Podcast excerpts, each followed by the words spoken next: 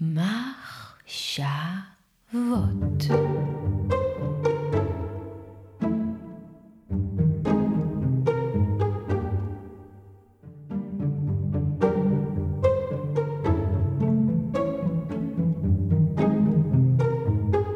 כמו פרי שעובר מסע של הבשלה, מתחיל תלוי על ענף, תלוי בעץ, ולאט לאט הולך ומתפתח וניתק, מפתה איזה משהו שיאכל אותו ומעביר את החיים הלאה לעבר העץ הבא. כך גם האדם וכך גם נפשו. ישנו איזשהו מסע ותהליך של הבשלה ושל צמיחה, שאפשר לכנות אותו אינדיבידואציה. שיש שם גם את הדיבידואציה, שזה מהמילה כמו divide, להתחלק, להיות נפרד. ויש את האין בהתחלה שהוא סוג של שלילה, אינדיבידואציה. האדם נולד מתוך איזה משהו, ואל תוך איזה משהו. והמשהו הזה, והאדם שנולד מתוכו ואל תוכו, עד סוף ימיו של האדם, ואולי גם עד סוף הימים בכלל, ירקדו להם איזה ריקוד. אדם שהשלים את התהליך של האינדיבידואציה, אם יש כזה, תתקיים בנפשו דינמיקה הרמונית בין מה שהוא תופס שזה הוא, לבין מה שהוא תופס שזה העולם וכל מה שלכאורה מחוץ לו. אדם שלא השלים את תהליך האינדיבידואציה, יחיה במנוסה מפני חרדתו, וחייו ייוותרו קפואים. מצחיק שבדרך כלל כששואלים בן אדם מה כל כך רע לו וממה הוא סובל, והוא אומר מחרדה. בדרך כלל תהיה לו גם איזו תחושה כללית שהוא ינסה להסתיר, ושנוגעת לסיבה שבגללה הוא חרד, ולדבר האולי כמעט מדויק שהוא צריך לעשות כדי להתמודד עם אותה חרדה. מישהו שכל הזמן צריך להיות עם אנשים, כי אחרת הוא מרגיש שהוא מתפרק או שאין את עצמו, הוא מתעיין, יודע שהוא צריך להתמודד עם הבדידות שלו, עם היותו בדיד ונפרד. הוא לא ישמח להגיד את זה והוא לא ישמח להודות בזה. כי הוא למעשה מדלג על ההתמודדות. אבל תהיה בו תחושה כללית, איזו קריאה שמחכה שהוא יענה לה, אל עבר אותה התמודדות, והוא יודע מה מצפה לו אם ייקח את הצד הזה ויצא למסע. למסע של הגילוי של עצמו. אדם שחווה טראומה ותמונות ורגשות בעוצמות מאוד גבוהות,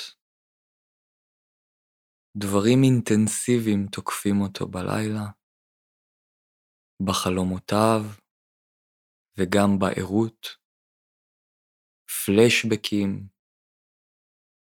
התנהגות שלו עצמו אפילו, אימה שאי אפשר לעמוד מולה.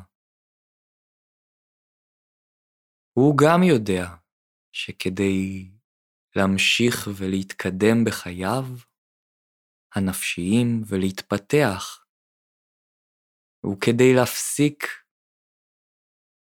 את הפסקת הצמיחה הנפשית,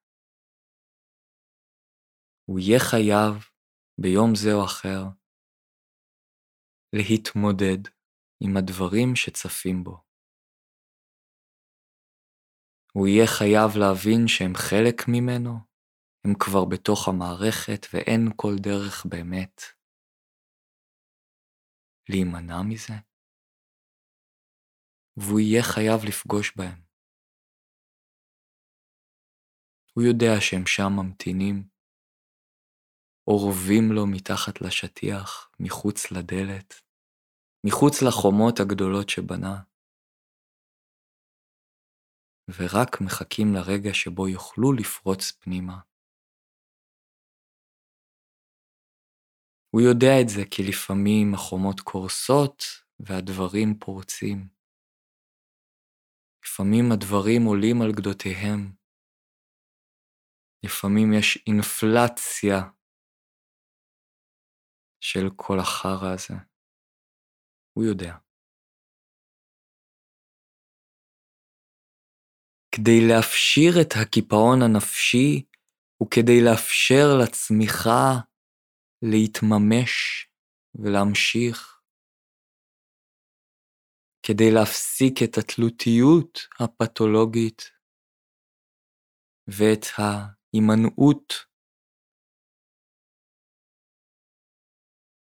אותו אדם ייאלץ להקשיב לתחושת הבטן שלו, וללכת בדיוק למקום שהוא יודע שממתין לו, ולהיענות לאותה קריאה. והדבר הזה קורה רק כשאותו אדם מסובב את מבטו ב-180 מעלות, והופך את כל היחס שלו לעולם, ממצב של מנוסה והימנעות אל עבר מצב של התעמתות ורצון לפגוש את מה שיש, שם בחוץ ושם בפנים. המצב ההפוך הזה הוא מצב שבו הפחד והחרדה הם כבר לא רק רגשות שמתעוררים ואז צריך לברוח, אלא רגשות שכשמתעוררים, אותו אדם יודע שהם בדיוק המצפן שמפנה ומכוון אל עבר המסע שלו. אם הוא מפחד מכלבים, אז הם יכוונו אותו אל הכלב. שם יתחיל המסע שלו. כלב שהוא שמח עליו פעם נשך אותו, ומאז הוא לא סומך על כלבים? על חבריהם הנאמנים ביותר של האדם. והוא התקרב פתאום לכלב כי הוא כבר מתאמץ. הוא כזה שיוצא למסע ונענה לקריאה, ושם הוא ימצא את השדים, את הפחד מהנאמנות ואת כל מה שמסתתר בתוך אותו סמל, אותו, אותה תחפושת של כלב. וגם את הכלב עצמו שאולי באמת מפחיד אותו. אבל מה מפנה את המבט? מה גורם לאדם להישיר את מבטו אל תוך הפחד והתופת? מתי הוא יכול לעשות את זה? מה מאפשר לו לעשות את זה? למה פתאום זה קורה? למה אדם שעד עכשיו ברח, פתאום צולל אל עומקו? יש כאלה שאומרים שהדבר הזה קורה רק כשאותו אדם חייב, אחרת הוא לא יזוז ולא ישתנה כל עוד הוא שורד בלי זה. יש כאלה שאומרים שברגע שהוא יכול, זאת אומרת ברגע שיש לו, שהחשיבה שלו מספיק מפותחת, יש ברשותו מספיק כלים כדי להבין מה נמצא שם ואורב לו מחוץ לחומותיו, וגם, או לחלופין, כשנמצא לידו מישהו שיוכל ללוות אותו במסע הזה ולהסביר לו מה הוא רואה שם ומה הוא פוגש. בין אם זה הורה, מורה, מטפל, אז האינרציה כבר תדחוף אותו, אז הוא כבר יצלול לתוך הדבר הזה. ויש כאלה שאומרים לא זה ולא זה, זו פשוט בחירה. שם טמון החופש האמיתי של האדם. הוא קופץ אל תוך תהום באקט של אמונה אובדנית משהו. וכמו שפילוסוף גרמני חשב, הכנפיים של האדם צומחות רק אחרי שהוא קופץ. רק אחרי שהוא ייכנס פנימה ויסתבך וייקלע לצרות, אז הוא יוכל למצוא את הדרך לפרוץ לו דרך החוצה, ובכלל להבין איפה הוא נמצא ומה הוא ראה.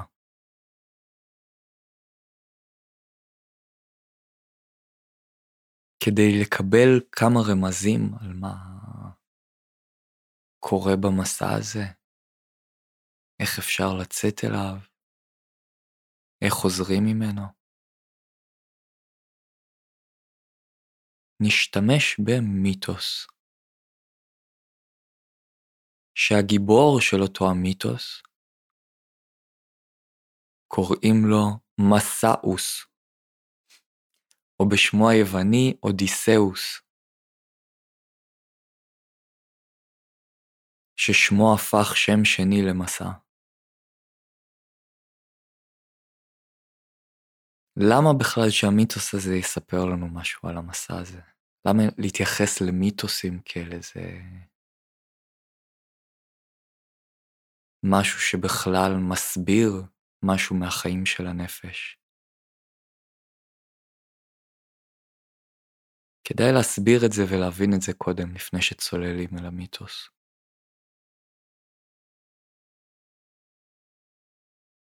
פסיכולוגים אוהבים להשתמש, או שלא אוהבים להשתמש, אבל הם משתמשים בכתמי רורשך.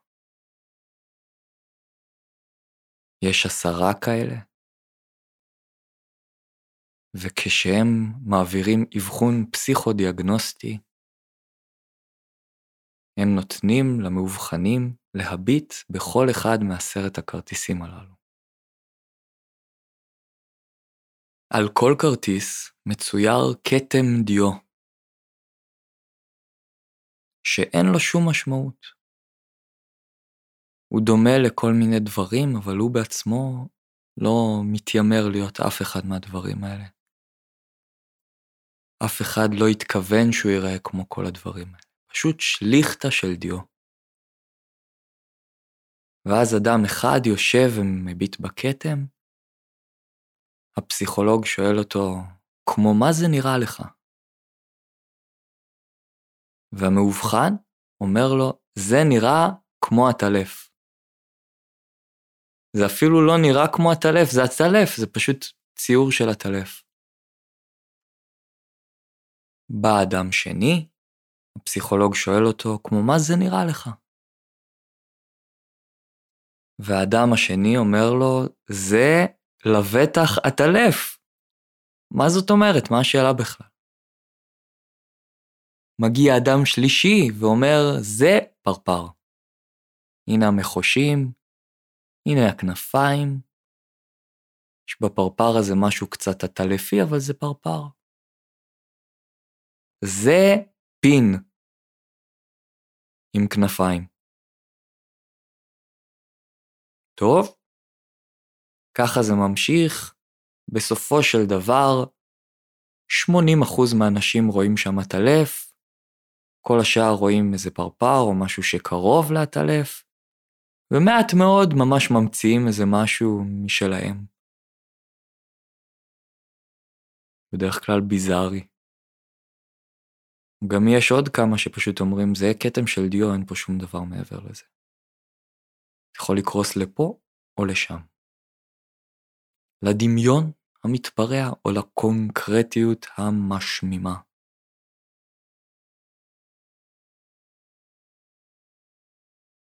אין בכתם כלום,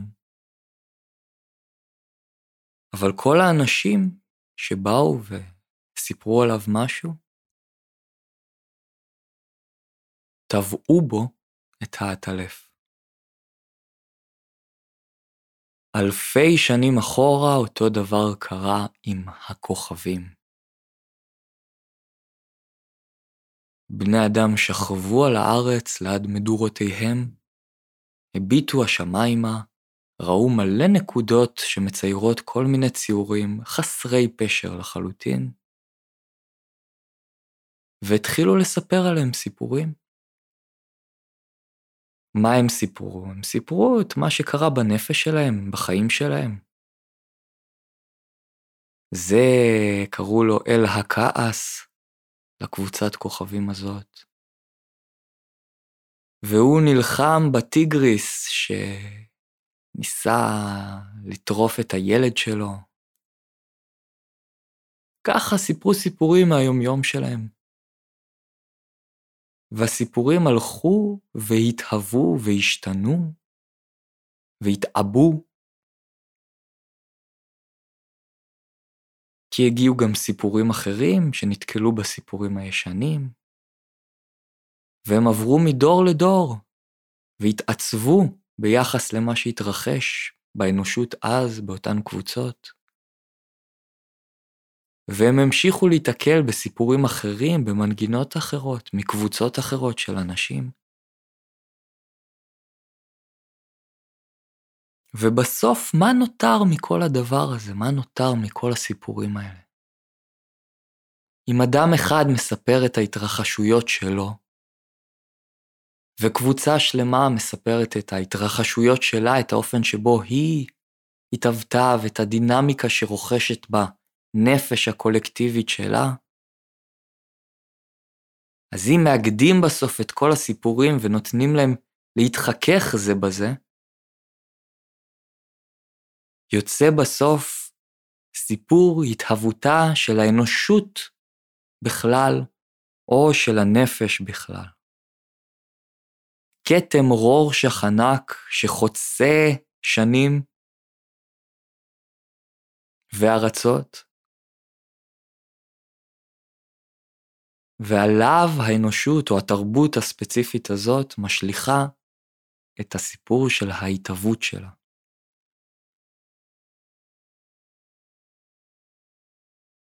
אפשר להרחיק לכת ו...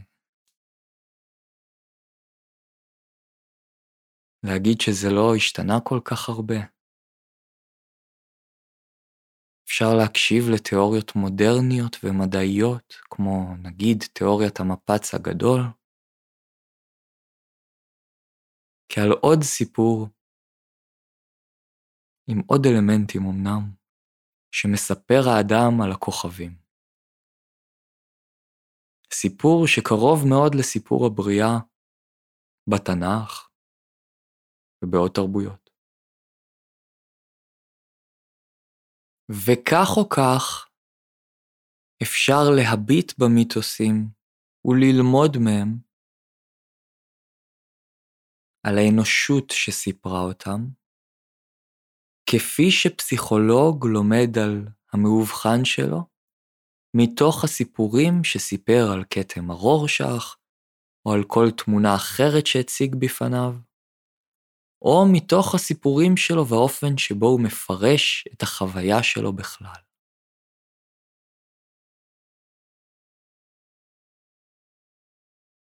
אז בואו נראה ונבחן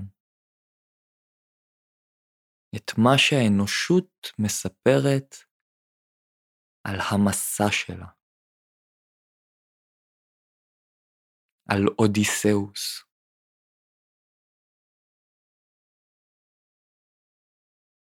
זה מה שהיא מספרת. אישה נחטפה. אישה יפהפייה נחטפה. היא נחטפה מהממלכה של ספרטה, שם כל הקשוחים עם החינוך הלוחמני שלהם. והיא נחטפה על ידי טרויה. היא התאהבה שם בנסיך, הנסיך התאהב בה, החליט לקחת אותה מידיו של איזה מלך ספרטני. אודיסאוס, מה הוא קשור לכל זה? הוא לא אותו המלך והוא לא אותו נסיך. הוא מלך אחר, חי בממלכתו, בשקט על האי שלו.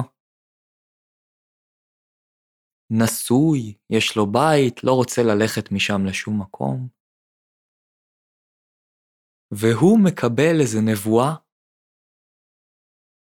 מתריעים בפניו, שתכף תגיע קריאה והוא יצטרך לצאת למסע ארוך מאוד מאוד, למלחמה. ולא זו הבעיה, אלא שיהיה לו מאוד מאוד קשה לחזור הביתה אחרי המסע הזה. הוא יעבור תלאות וזה ייקח לו שנים ארוכות. הוא יודע את זה, הוא מרגיש את זה, הוא מרגיש את זה כמו כל אדם שעומד בפתח של המסע שלו עצמו. יהיה קשה לחזור הביתה, זה הולך להיות מפרך. זה לא כזה פשוט. זה לא טיפול וסיימנו, וזה לא כדור וסיימנו, וזה לא למצוא זוגיות וסיימנו. זה מפרך. ואין סופי במובן מסוים. ולכן, כשמגיעים השליחים של המלך של ספרטה, לקרוא לאודיסאוס שיתחייב לעזור להם במקרה הצורך. הם אומרים לו, בוא עם הצבא שלך, בוא, אנחנו צריכים את העזרה שלך. והוא משתמט. הוא מנסה לעשות כאילו הוא משוגע, כמו אצל הקב"ן. עושה איזה שטויות עם החמור שלו, אני לא זוכר בדיוק מה, כדי שיחשבו שהוא משוגע, ויעזבו אותו לנפשו. ופה אפשר לטעון דבר מאוד מאוד מסוכן, זאת אומרת שמסוכן לטעון אותו, אבל הנה הוא משתמע מתוך סיפור הרורשך של האנושות על המסע ועל השיגעון. והדבר הוא שישנו יסוד בפתולוגיה ובשיגעון של זיוף.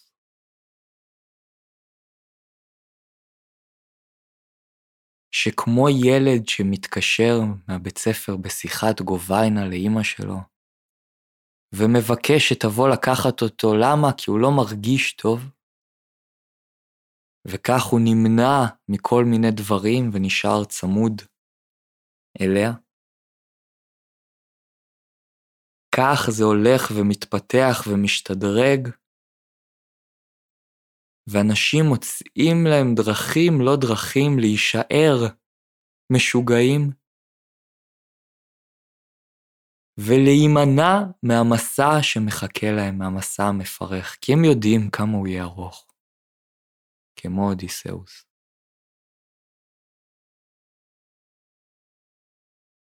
מתי אודיסאוס מחליט לצאת למסע? אפרופו שאלתנו ממקודם, מתי הוא מישיר מבטו אל המסע ולא מנסה להתחמק ממנו? האמת, לא כשהוא בוחר, אלא כשתופסים אותו.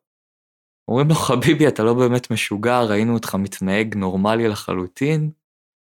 אתה חייב להיענות לקריאתו של המלך כפי שהבטחת, קיים הבטחתך ובוא איתנו. אין לו ברירה. הוא חייב לצאת. הוא נפרד מאשתו לשלום, לוקח איתו את אנשיו ויוצא לדרכו. להציל את האישה, או אם uh, מכלילים את זה, לשחרר את הנשיות מהחומות שעוטפות אותה. או עוד יותר מוכלל, לשחרר את הנשיות, את היסוד הנשי, לחופשי. לא בדיוק, כי אם ישחררו אותה, היא תצטרך לחזור למלך הזה שהיא הייתה איתו. אבל הולכים לשחרר את האישה בכל מקרה, את האישה החטופה. בהקבלה לנפש זה יכול להיות משהו כמו משחררים את הצבעוניות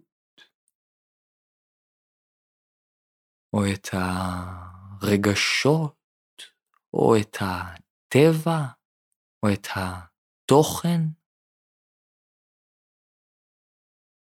את החיים עצמם, את החושים, משחררים את כל אלו, את אימא טבע, מההגדרות שכרגע גודרות עליה, מהחומות שמקיפות אותה, למשהו אחר, לעתיד אחר.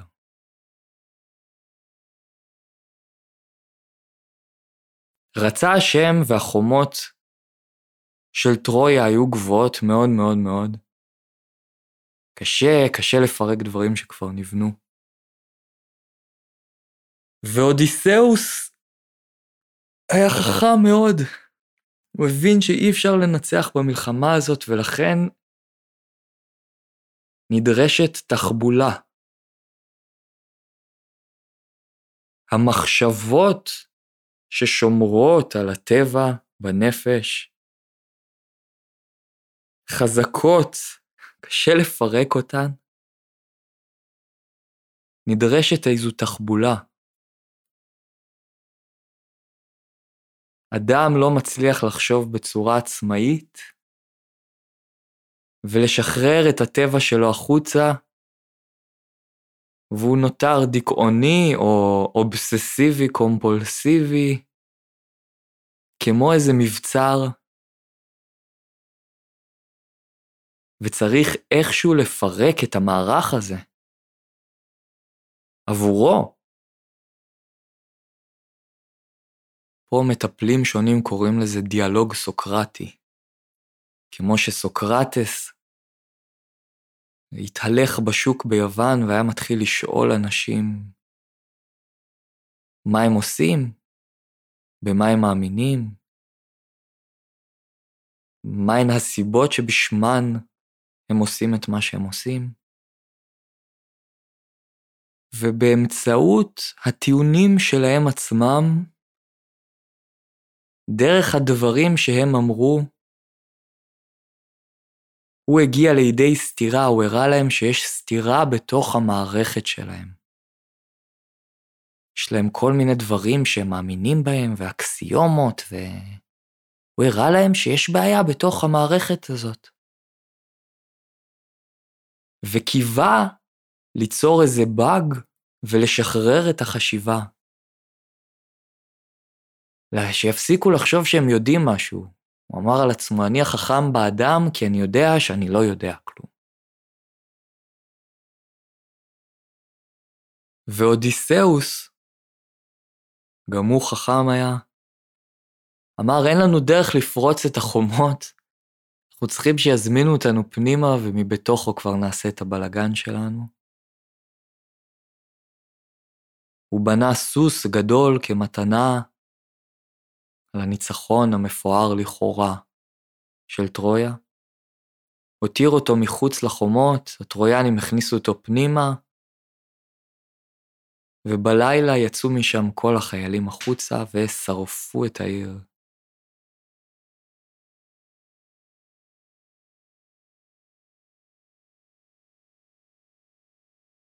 דבר דומה קורה בטיפולים. אדם מגיע לטיפול ומתחיל להתייחס אל המטפל שלו כאילו הוא אבא שלו. הוא חווה את המטפל שלו כתוקפני, כביקורתי, כשיפוטי, כמי שאהבתו תלויה בדבר, והמטפל מקבל בשמחה את אותה העברה של היחסים עם האב, בין עם האב האמיתי ובין עם האב הסימבולי, הגדול. וכך המטפל חודר לנפשו של המטופל, זה נשמע רע. מעצם זה שהוא מתחפש לפונקציה שנמצאת בתוכה. זה נראה כמוה. הוא עוטה את התחפושת שאותו מטופל שלו מלביש עליו, ופתאום מתוכה הוא מתחיל להגיד דברים אחרים. האדם שבא לטיפול אומר למטפלו, אתה לא באמת אוהב אותי. אני עבורך סתם איזה מקרה מעניין ולראיה, כל פעם אחרי 50 דקות אתה אומר לי, נגמר הזמן, עוף מפה, ובועט בי החוצה. והמטפל שלו אומר לו, לא זו האמת. אין לי שום אינטרס מלבד לעזור לך. נכון? אחרי 50 דקות אנחנו מסיימים בכל פעם ואני מתעקש על זה. האמת היא שזה לא בשבילך בכלל, לא אשקר לך, זה די בשבילי, כדי שאוכל לנהל את זמני. אחרת איך אדע מתי להזמין את, uh, את שאר האנשים שאני פוגש? היה מישהו שעשה את זה פעם, שניסה לסיים את הטיפולים uh, לפי מה שהתרחש בשיחה. הצליח לו גם לא רע, למען האמת. אבל תמיד חיכו לו מחוץ לחדר איזה עשרים אנשים. היה בלאגן גדול, כי הוא לא ידע מתי להגיד להם לבוא. והאדם ששומע את זה הוא בשוק. הוא רגיל שמאשימים אותו, הוא רגיל ששופטים אותו, ופתאום, מתוך עיניו, הדמות שאמורה להיות זו ששופטת ומבקרת, אומרת דברים אחרים. זו אותה הדמות, לכאורה, אבל מה שיוצא לו מהפה זה משהו אחר. וכך המטפל באופן טרויאני נכנס לתוך מערכת מסוימת בנפש של המטופל, בעולמו. מתחפש לתופעה אחת מהתופעות שמופיעות לנגד עיני המטופל שלו, ומעצב אותה אחרת. עוזר לה להתפרק ולהיבנות מחדש. ואודיסאוס הגיבור יצא למסע ההבנה של עצמו ושחרור הנשיות. גאון שכמותו רב תחבולות, בנה לו טרויאני ניצח את הקרב, שבר את דפוסי החשיבה הנושנים שמקפיאים את הדברים. והנה הכל השתחרר, תוהו ובוהו, והווה, ולא רק העבר שולט. הפרא יצא החוצה, צבעים, שערה שלמה. עד כה זו לא הייתה הבעיה בכלל, כי הוא ידע, אודיסאוס, מה שהוא ידע, והסיבה שבגללה הוא לא רצה לצאת למסע הזה, היא שהדרך הביתה מסובכת. ששנים ייקח לו אחרי אותו שחרור לחזור הביתה.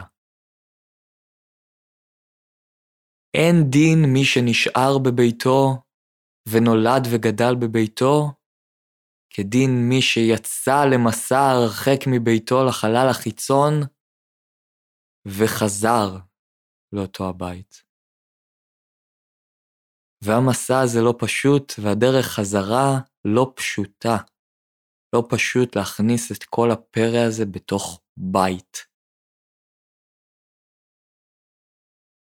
הוא בדרך פוגש כל מיני מפלצות בדרך הביתה, שגם מהן אפשר ללמוד הרבה על הדרך הביתה, הדרך הנפשית הביתה, אחרי הניפוץ של הבית הקודם, או השינוי של הבית הקודם, או השחרור. אחת מהמפלצות, למשל, זה ציקלופ או קיקלופ, שזה מפלצת עם עין אחת, פראית מאוד. אפשר uh, לדמיין מה היא מסמלת, אותה one-eyed monster.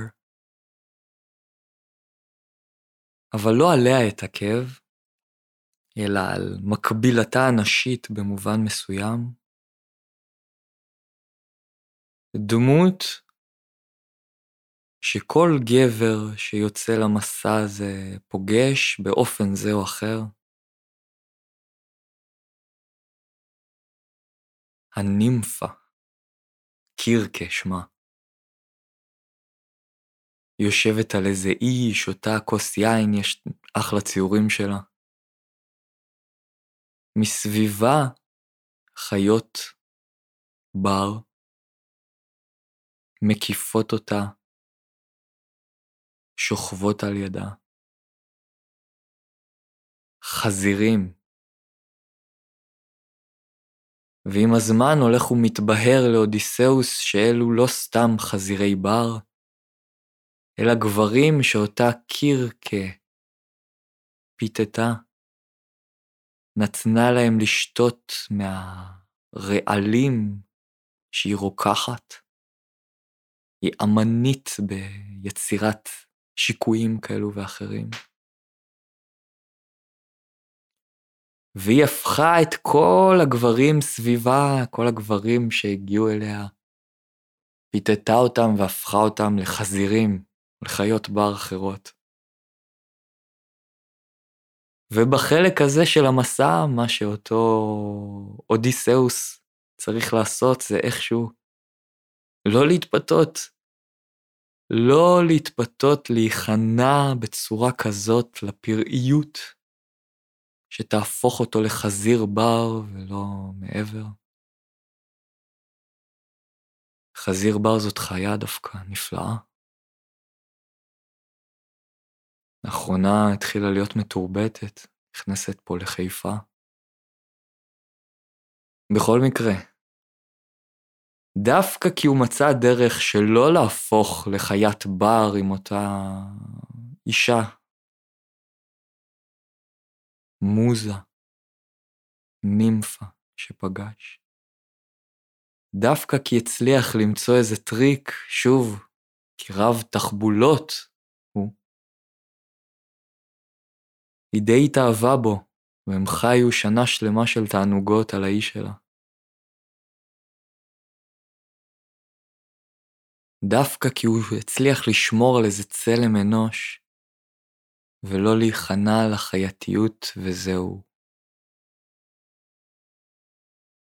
לעל ביתיות.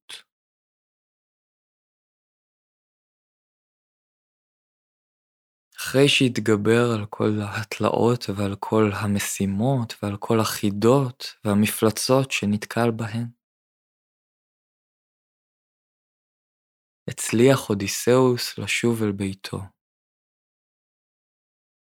ומה קנה לו כל המסע הזה? בשביל מה בכלל לצאת למסע הזה? כל המטרה של המסע הזה היא לסנכרן בין האמת לבין האופן שבו האדם תופס אותה. לראות את הדברים כפי שהם. זה כללי, זה לא נשמע מספיק מפתה, זה לא מספיק מעניין אפילו. אכן כדאי להגיד את זה בצורה מעניינת יותר.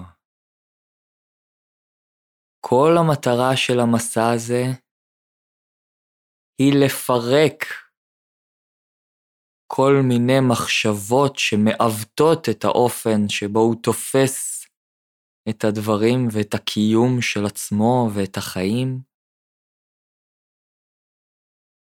ולחשוף אותו לאמת. ומהי אותה אמת? שהוא והעולם חד הם. ושוב, זה לא כל כך מעניין, ושוב, זה נשמע קצת קלישאתי, וכל אסכולה רוחנית תשזור את המשפט הזה בערך פעם בשתי דקות. שהאני והעולם חד הם? אז צריך להסביר את זה איכשהו, שזה לא יישאר סתם מיסטי.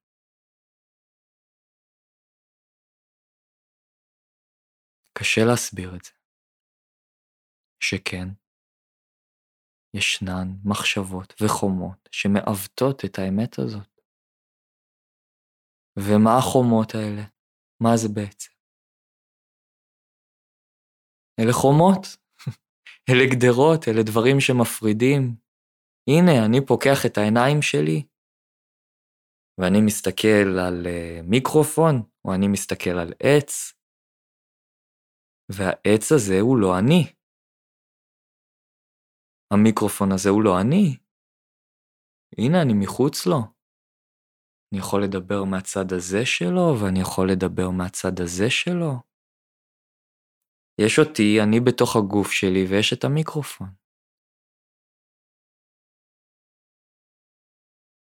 אבל זה לא כזה פשוט.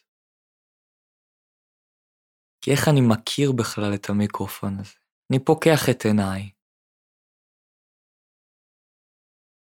למעשה, לפי הסיפור, האור של השמש, או האור שבא מהמנורה שלי,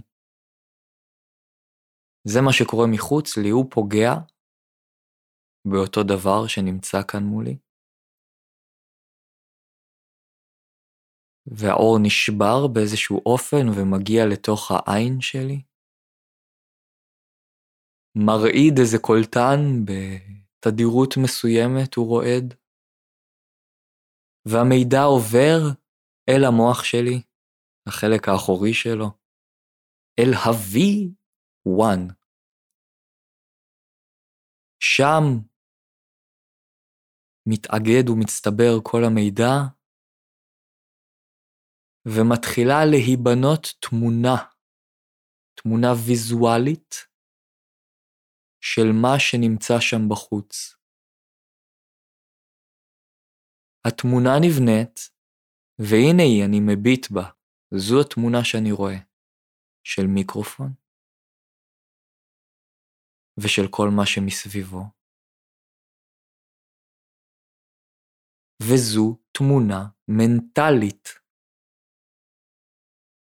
זו תמונה שנבנתה במוח שלי כשאר הדימויים. היא לא הדבר שנמצא שם בחוץ, אולי מה שנמצא שם בחוץ דומה לה, אבל התמונה שאני רואה, בתקווה הוא דומה לה, בתקווה. כדאי לקוות שזה דומה לה, כדאי לשאוף לזה. אבל התמונה שאני רואה היא בתוך המוח שלי. אז כשאני פוקח את העיניים שלי, התמונה שאני רואה, העולם שאני מסתובב בו, הוא הנפש שלי. הוא כל הדברים שנבנו בתוך החשיבה שלי. אני מתהלך בתוך הנפש שלי.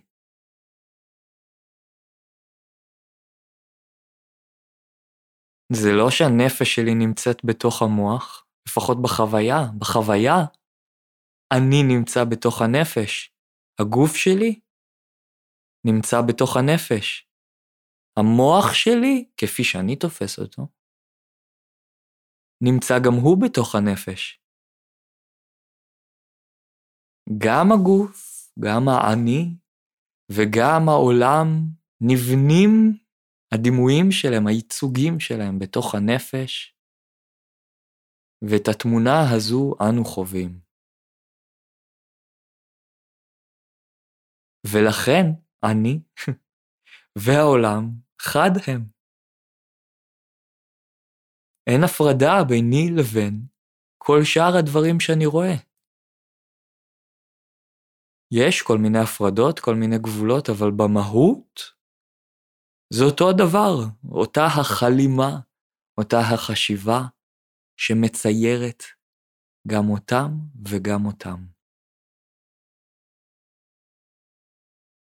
אני מרמה עכשיו, אני עושה איזה קיצור דרך, אני מצייר איזו מחשבה חדשה, רק כדי לתת איזו טעימה. אבל זה לא אמיתי, זאת לא האמת שמתגלה, זה עוד איזו יצירה שצריך לשבור. והאמת הזו פשוט נמצאת שם, היא פשוט יכולה להתגלות, אבל היא לא. כי יש הרבה מחשבות שאומרות הפוך.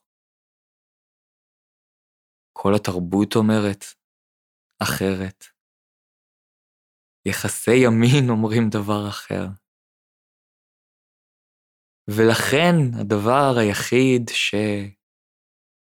שמישהו שאכפת לו מאנשים יכול לעשות,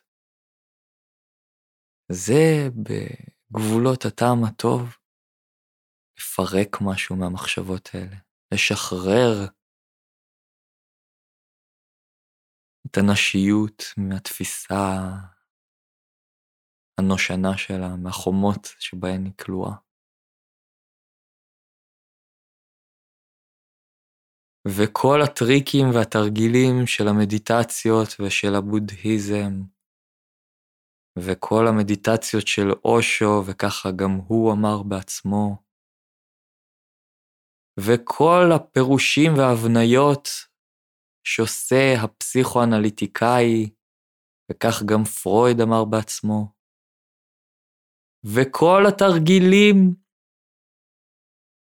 וכל הטכניקות נועדו לעשות לא אחרת מאשר לבטל את עצמן ולהיות כמו גל הופכי ונגדי לגלים של המבנים של החשיבה כפי שהם עכשיו, רק כדי לפרק אותה. כדי שתיבנה מחדש סביב האמת וההווה. איך היא תיבנה? זה אי אפשר לצפות, זה פשוט קורה. הדברים נבנים, הדברים מתהווים, זה אלוהים עושה, זה לא באחריותו של האדם. כל מה שבן אדם יכול לעשות זה להעיז ולהתפרק ולתת לקול ולרוח הזאת לחולל בו.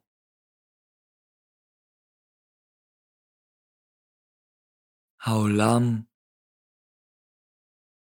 הוא כבר לא איזה משאב, הטבע הוא לא איזה משאב.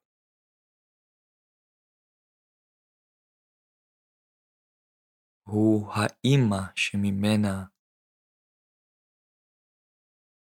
האדם נולד. כמו ענף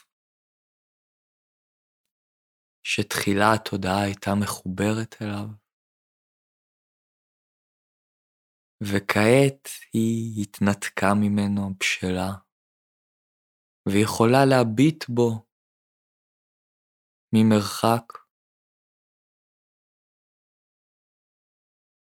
אבל לעד אותו עולם יהיה חלק ממנה.